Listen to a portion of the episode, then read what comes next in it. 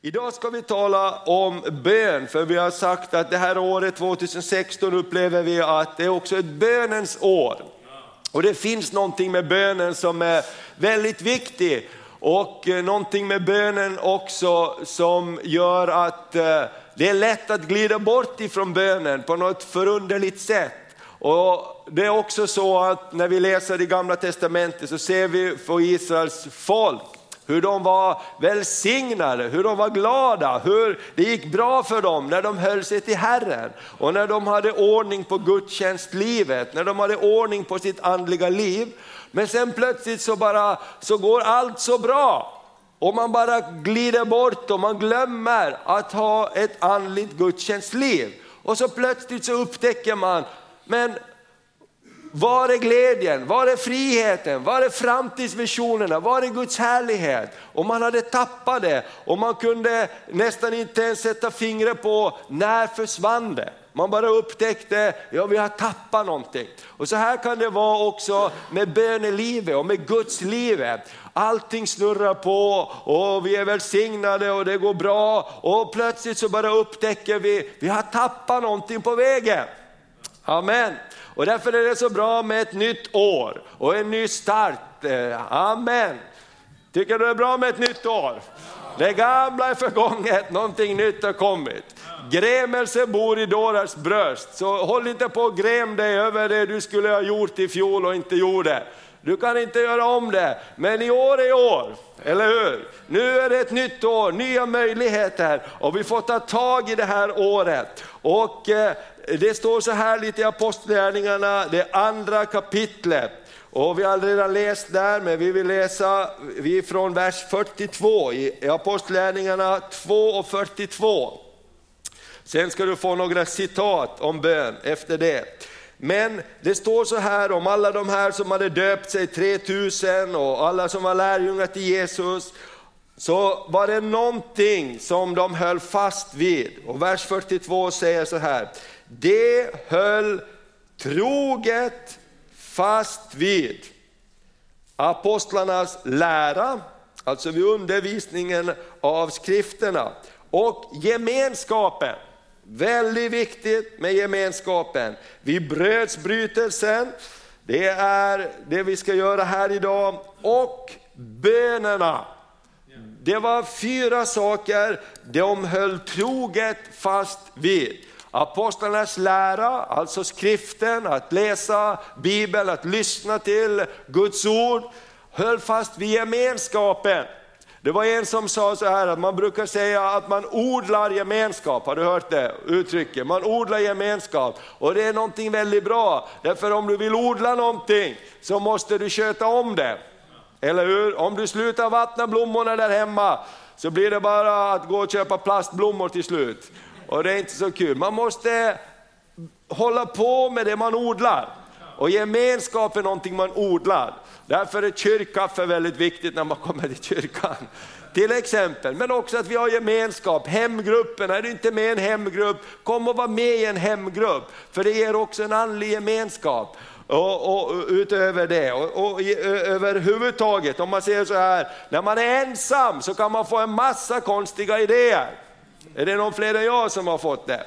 Och därför är det bra att kunna dela sina idéer och tankar med någon annan. Och någon annan säger, ja det där var nog inte så bra kanske. Eller, ja det där var, låter, ja, ja man hör liksom på att det kanske man behöver fundera lite själv. För ibland så både frågar man och svarar sig själv. Och det är inte alls sagt att man ger rätt svar på sina egna frågor. Så gemenskapen är väldigt viktig ibland. Att man inte snurrar iväg och får någon uppenbarelse som ingen annan någonsin har fått på jordklotet. Det är jättefarligt. Eller hur? Det är bra att vara med i en gemenskap. Och sen höll de fast vid någonting annat. De höll fast vid brödsbrytelsen. Vad betyder det? Jo, att hålla sig till det centrala i evangeliet. Det var Jesus gjorde på korset när han dog på korset. Vi är frälsta av nåd. Vi behöver påminna oss att ta emot Jesus och det han gjorde för oss av nåd. påminna oss om att det är Jesus som betalade priset. Det är inte vi som betalade priset. Han betalar priset och vi tar emot det. Vi behöver ta emot det åter och åter igen och påminna oss om frälsningen. Och sen det fjärde de höll fast vid, det var bönerna. Amen. Du vet bönen, det är lite abstrakt ibland, bönen. Men det är också någonting som har med tron att göra. För att egentligen är det ju så, när vi ber så talar vi ju rakt ut i luften. Egentligen, eller hur? Vi ber Gud i himlen. Gud i himlen, var är Gud? Ja, vi tittar genom taket, han är där uppe någonstans. Men det är inte så, Gud är här. Eller hur? Genom sin ande. Jesus sa, när ni är samlade i mitt namn så är jag mitt ibland er. Amen. Och därför är bönen någonting som man måste inta och träna sig i. Bibeln säger att uh, fysisk övning är till någon mån nyttig, men andliga övningar är nyttigt på allt sätt. Eller hur? Det är bra att träna och tränar vi vår fysiska kropp så hålls den i trim. Men vi behöver träna vår andliga invärtes kropp också. Och bönen är just en sån sak som kan vara lite abstrakt och därför har det med tron att göra. Ja, Bibeln säger, den som ber utan att tro, han kan inte få någonting. Eller hur? Därför behöver vi sätta tro till våra böner. Och ibland är inte bönen bara att jag ber om någonting i tro, ibland är bönen att jag har gemenskap med himmelens Gud. Amen. Amen.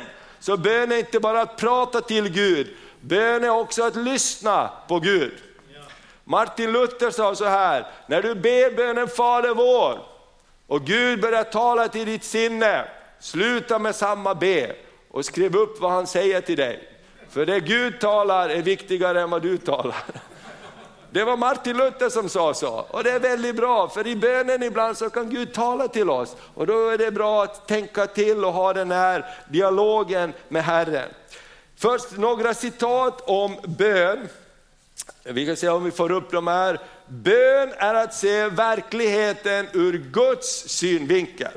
Ja, jag läste en bok lite grann om, om, om bön och jag tyckte det var, vi ska ta det nu, vi ska ha bön den här veckan, eh, onsdag kväll till lördag kväll och ska ha olika teman varje kväll tänkte jag. Och eh, eh, den här, den här citatet är så härligt tycker jag, bön är att se verkligheten ur Guds synvinkel.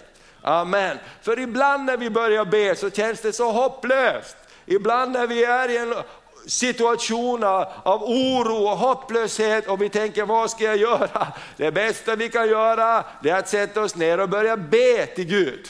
Eller hur? Vi kan sätta oss ner och be till himmelens Gud. Och då, vi, då vänder vi oron till en bön till Herren och då börjar vi se ur Guds perspektiv. Amen.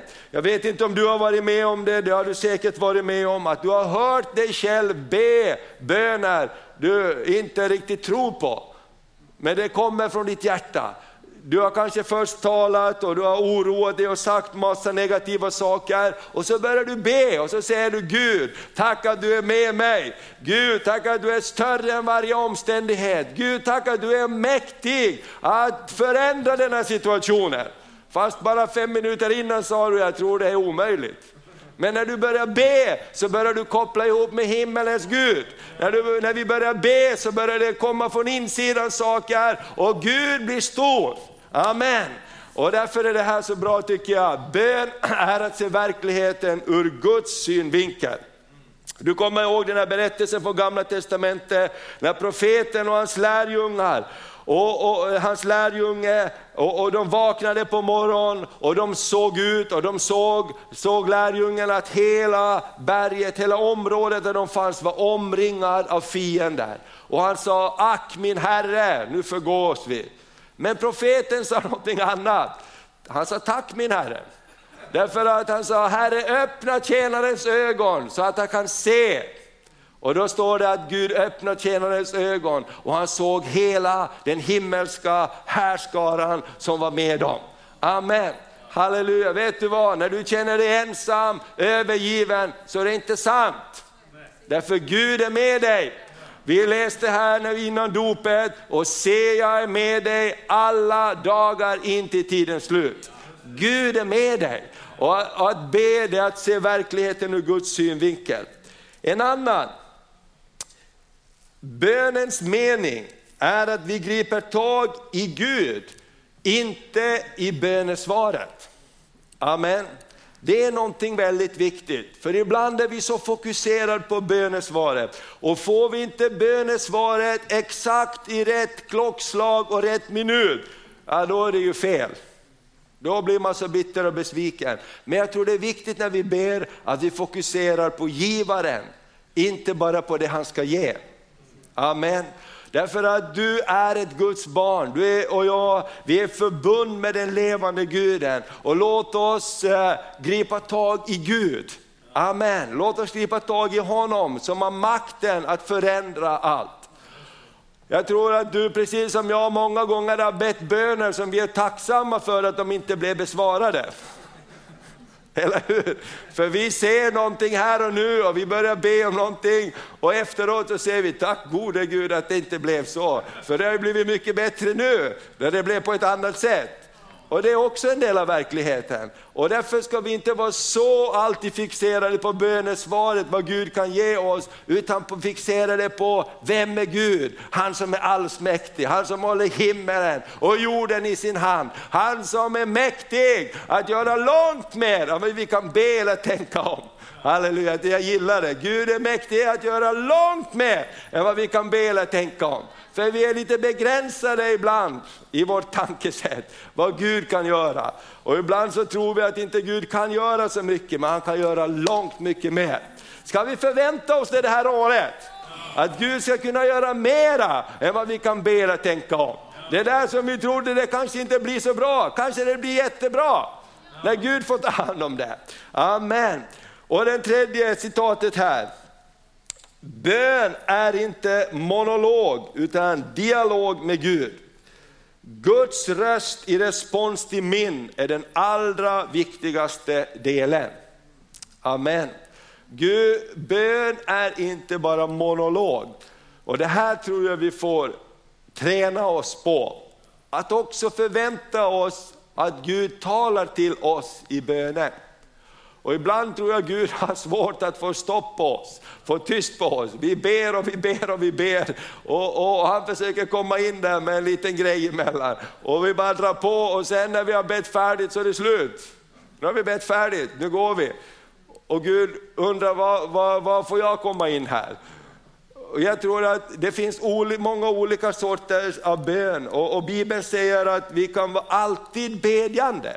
Och det här är ju ett sätt att också lyssna till Gud. Vi kan vara bedjande i vår ande, vi kan vara bedjande i vårt hjärta, när vi sitter i bilen, när vi är på jobbet. Vi kan be i olika situationer och Gud kan också tala till oss i de mest vitt skilda situationerna.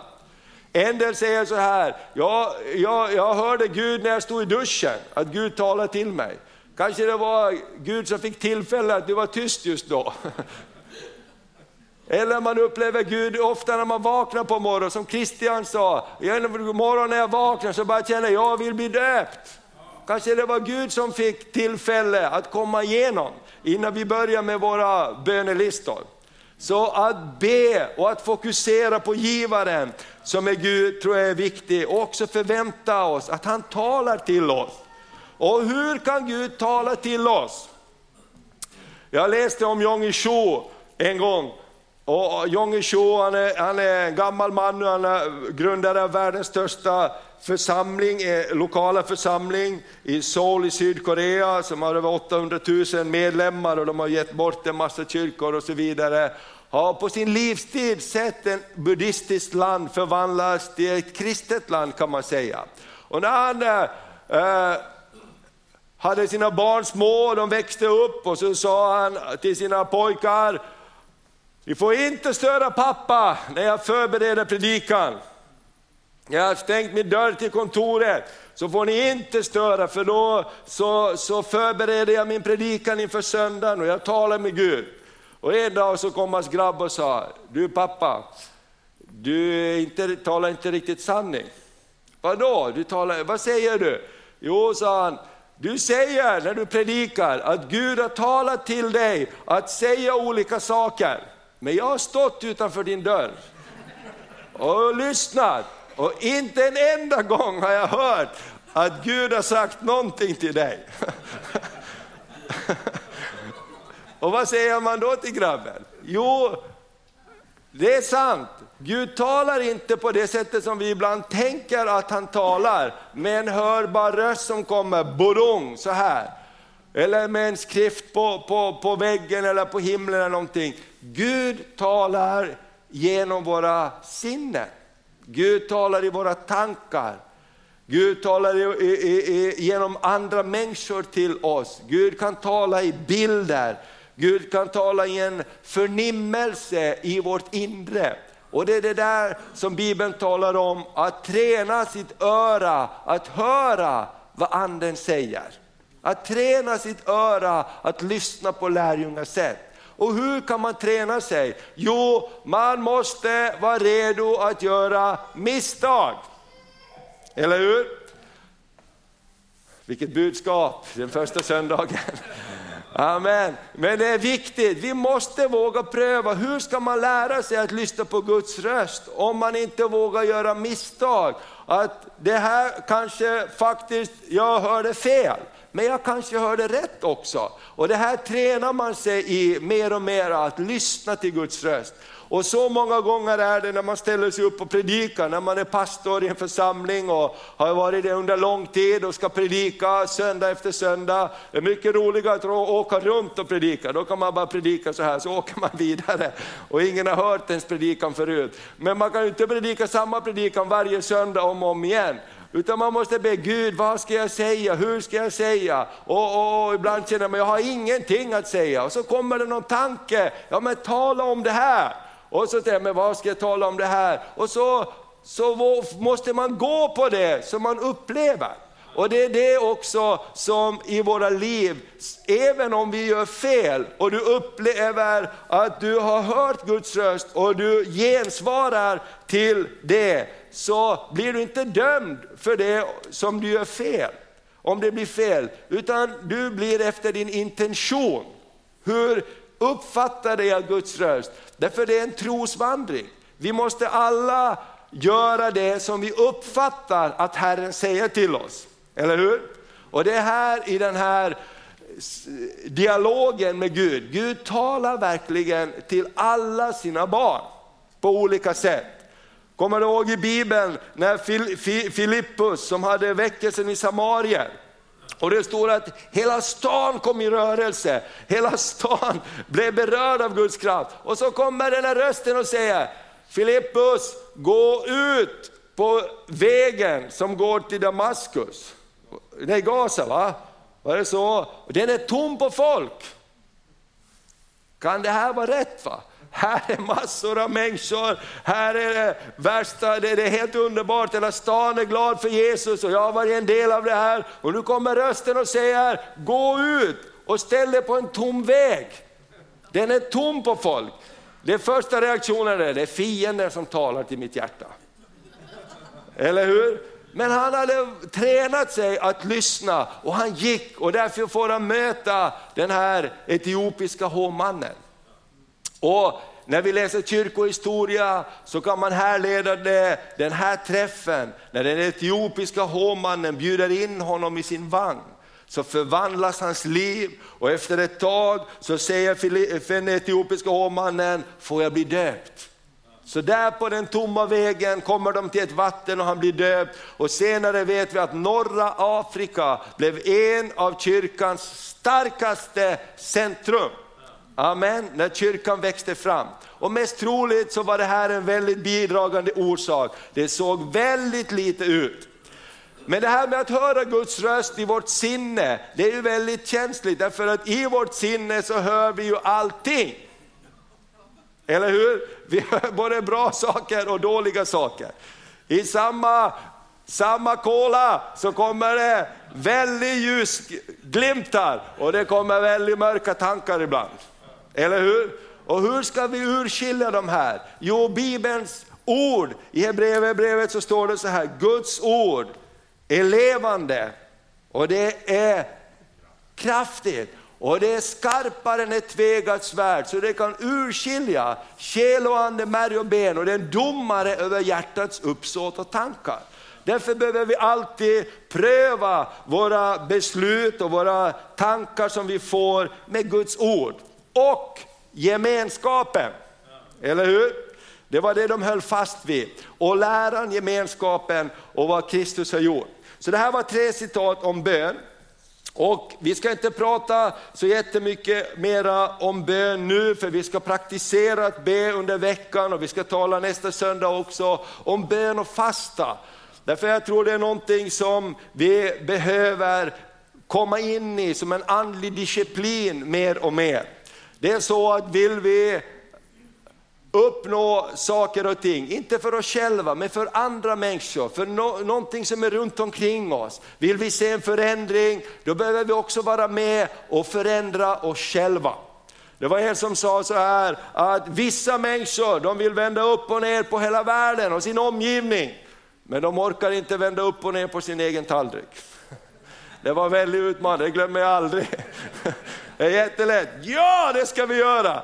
Men när det kommer till de här praktiska sakerna med andlig disciplin, till exempel som Bibeln talar mycket om, bön och fasta och avstå från olika saker, avhålla sig från olika saker till förmån för att söka Gud. Jag tror det är jätteviktigt i den här tiden som är. Hur ska vi träna våra öron att höra vad anden säger? Amen. För Bibeln säger i de yttersta dagarna ska det komma en mängd människor som ska tala ord som kliar folk i öronen. Säger precis det man vill höra. Och säger någon, någon man inte, någonting man inte vill höra, så går man därifrån. Och det är inte riktigt bra. För ibland är det så att det som svider, det renar också. Amen. Så vi ska fortsätta tala om det här, men jag vill ge dig eh, det, ja, eh, en väldigt praktiskt enkel sak när det gäller bön. Och det är att be, hur ber vi en vardaglig bön? Hur kan bön bli någonting som vi alla kan göra varje dag? Och då så vill jag bara uppmuntra dig att göra någonting som jag själv gör, kanske varje dag på året, ibland flera gånger per dag. Någonting som hjälper mig otroligt mycket i mitt böneliv. Och det är bönen Fader vår som är i himlen. Och ibland så har jag blivit så uppmuntrad av det. Vi var i Georgien för, för, för, för något år sedan och då så hade vi en tjej med som skulle tolka. Hon kom egentligen från Armenien. Och då så pep det till deras mobiltelefon och då var klockan två eller vad den var på eftermiddagen, vi var på väg till ett möte. Hon sa, ah, nu är det dags att be Fader vår. I vår församling har vi bestämt oss att vi alla ber varje dag klockan två, Fader vår. Så har de lagt in det på mobiltelefonen. Ska vi be, sa hon i bilen. Helt fantastiskt. Så bad vi där på vägen någonstans i Georgien, Fader vår, som är, de bad på sina olika språk och vi bad på vårt språk. Jag tänkte, vad fantastiskt.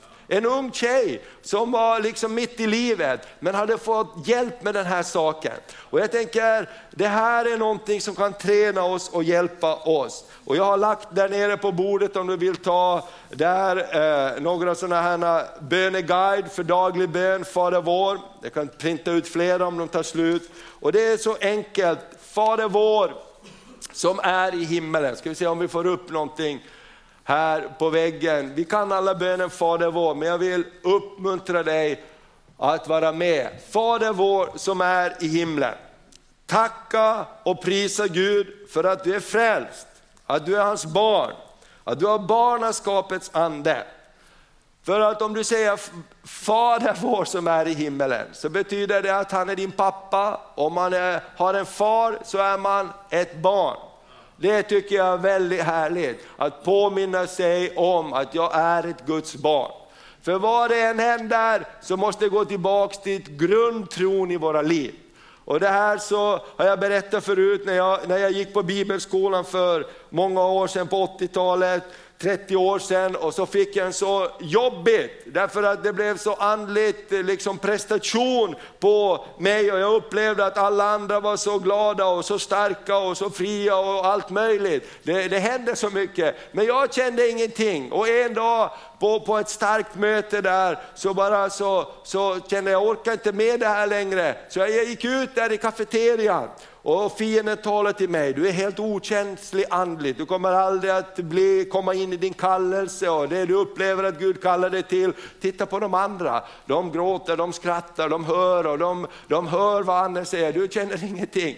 Och då gick jag ut därifrån och jag gick till kafeterian, jag glömmer det aldrig, och jag beställde en glasstrut. Och jag satt mig ner och så åt jag en glasstrut och så bara sa jag till mig själv och rakt ut, om jag aldrig blir någonting i Guds rike, kommer aldrig in i min kallelse, struntar jag fullständigt i, jag är i alla fall ett Guds barn. Amen, halleluja! Amen, och då, amen, det är värt en applåd till Jesus, halleluja, amen. Amen. Och där och då bröts det någonting över mitt liv. För det var jättejobbigt, en andlig, andliga saker kan vara otroligt frustrerande, jobbiga, för man kan inte ta på det, man vet inte hur man ska komma ut ur det alltid. Men när jag satt där och åt den där glassen i kafeterian, så var det som bara, den där pressen rann ifrån mig. Och jag bara landade i, Fader vår som är i himlen. Jag är ett barn till dig, jag har en pappa i himlen, jag är ditt barn. Oberoende vad som händer. Amen, tacka för att himlen är ditt hem, att Jesus har öppnat en ny och levande väg genom sitt blod. Tacka för att han är din egen far som aldrig överger eller lämnar dig. Halleluja! Psaltaren 27 säger om även din far och mor överger dig så ska jag dock aldrig överge dig. Det är någonting så helt underbart. Amen! Någonting underbart. Det andra, eh, helgat vare ditt namn. Tacka och välsigna Gud för vem han är. Tacka för namnet Jesus som är över alla andra namn. När vi säger Jesus namnet, då vibrerar det i andevärlden. Amen. Bekänn dig till och tacka Gud för hans olika namn. Och, och, Då är det inte alltid så lätt att komma ihåg hans namn, men man kan få hjälp av att man har skrivit ner det. Och Kanske vi får upp det som nästa bild, hans olika förbundsnamn i Bibeln. Vem är han? Vad är Guds karaktär? Ibland kan man komma ihåg någonting. Herren min rättfärdighet. Det finns jättefina hebreiska namn på det här, men Gud hör dig inte mer om du kan ett hebreiskt namn på vem han är, än om du säger Gud du är min rättfärdighet. Det är du som har betalat priset, det är du som har tvättat mina kläder rena, du har gett mig rättfärdighetens mantel. Herre min frid, Amen. Jehova shalom, frid, läkedom, sunt sinnelag. Herren är min frid. Det är ett av hans namn, Herren som helgar mig.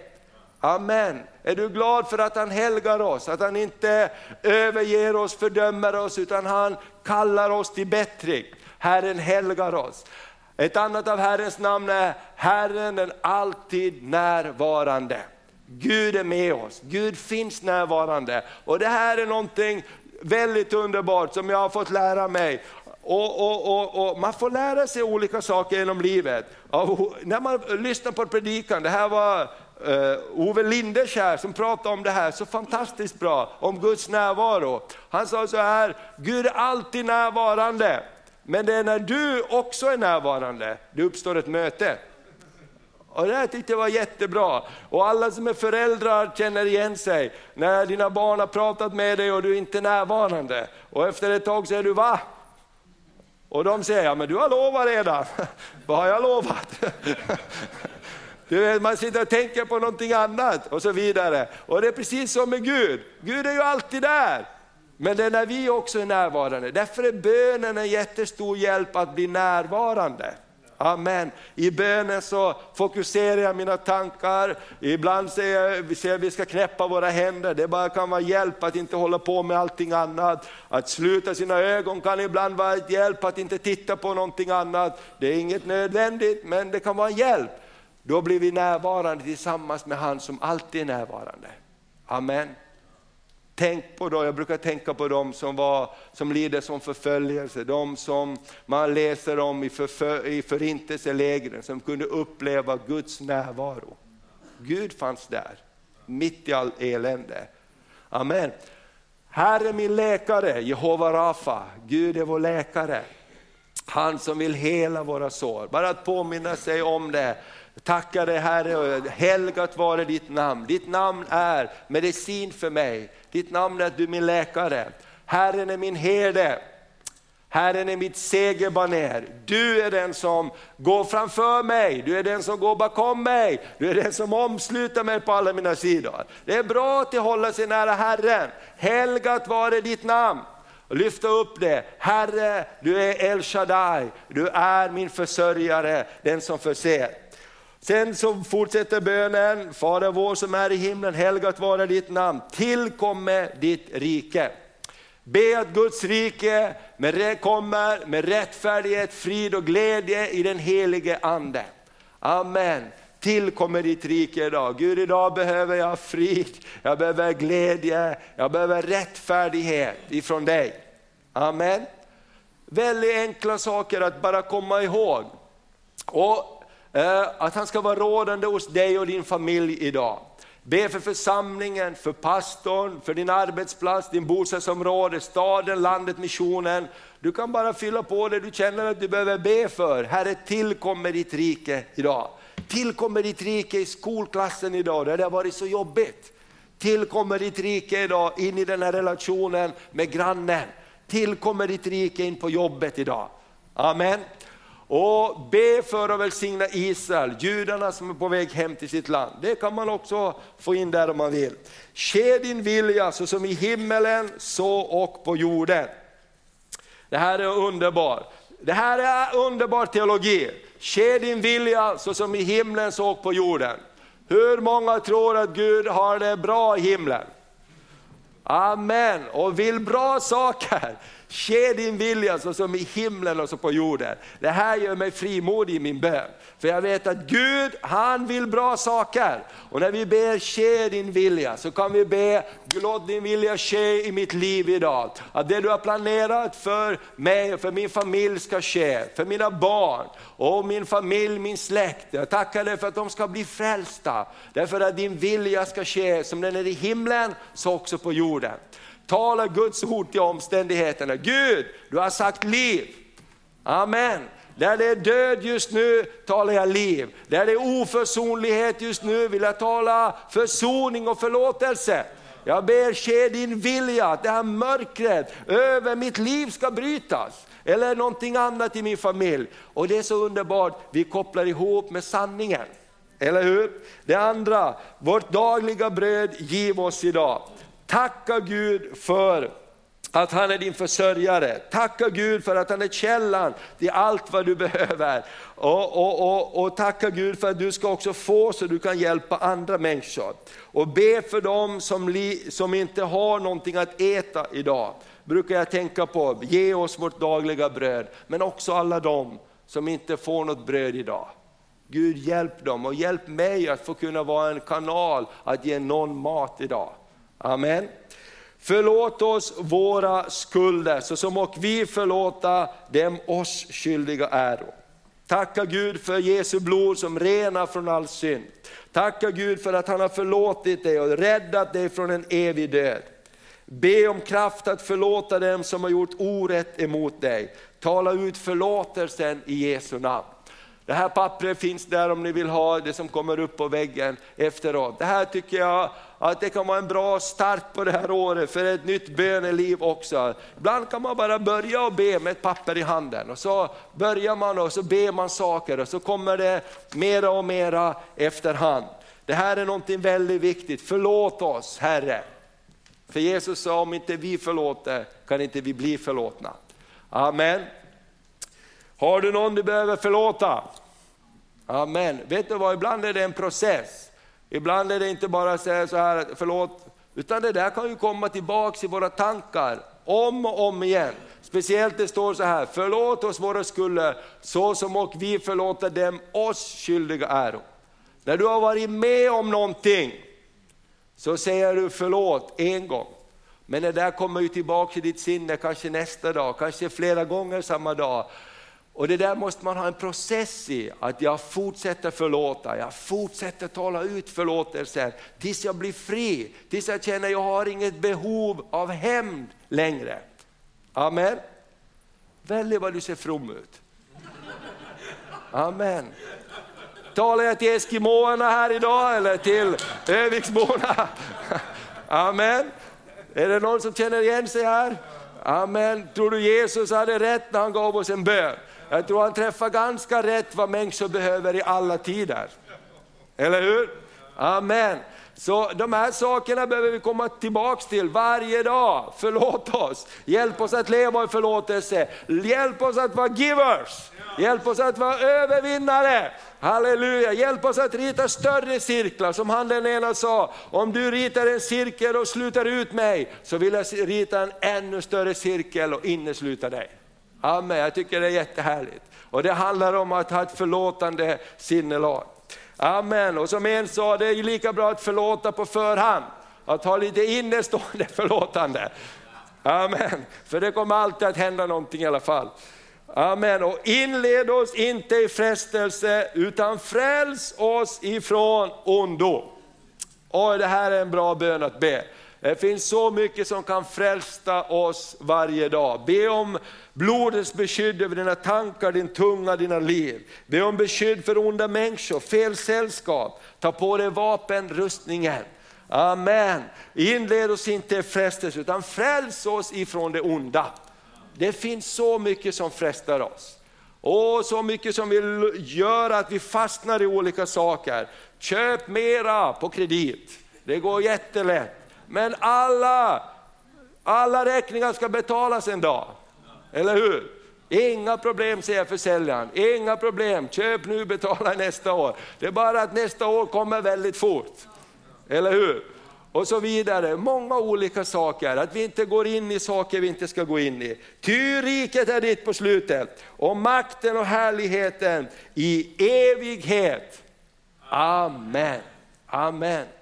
Underbart! Så min uppmaning till dig, ta ett nytt tag det här året, låt det vara ett bönens år och gör en bönevandring i ditt liv. Och ta gärna det här pappret med dig, tar de slut där så trycker vi bara upp flera, det är en fantastisk kopieringsmaskin där uppe.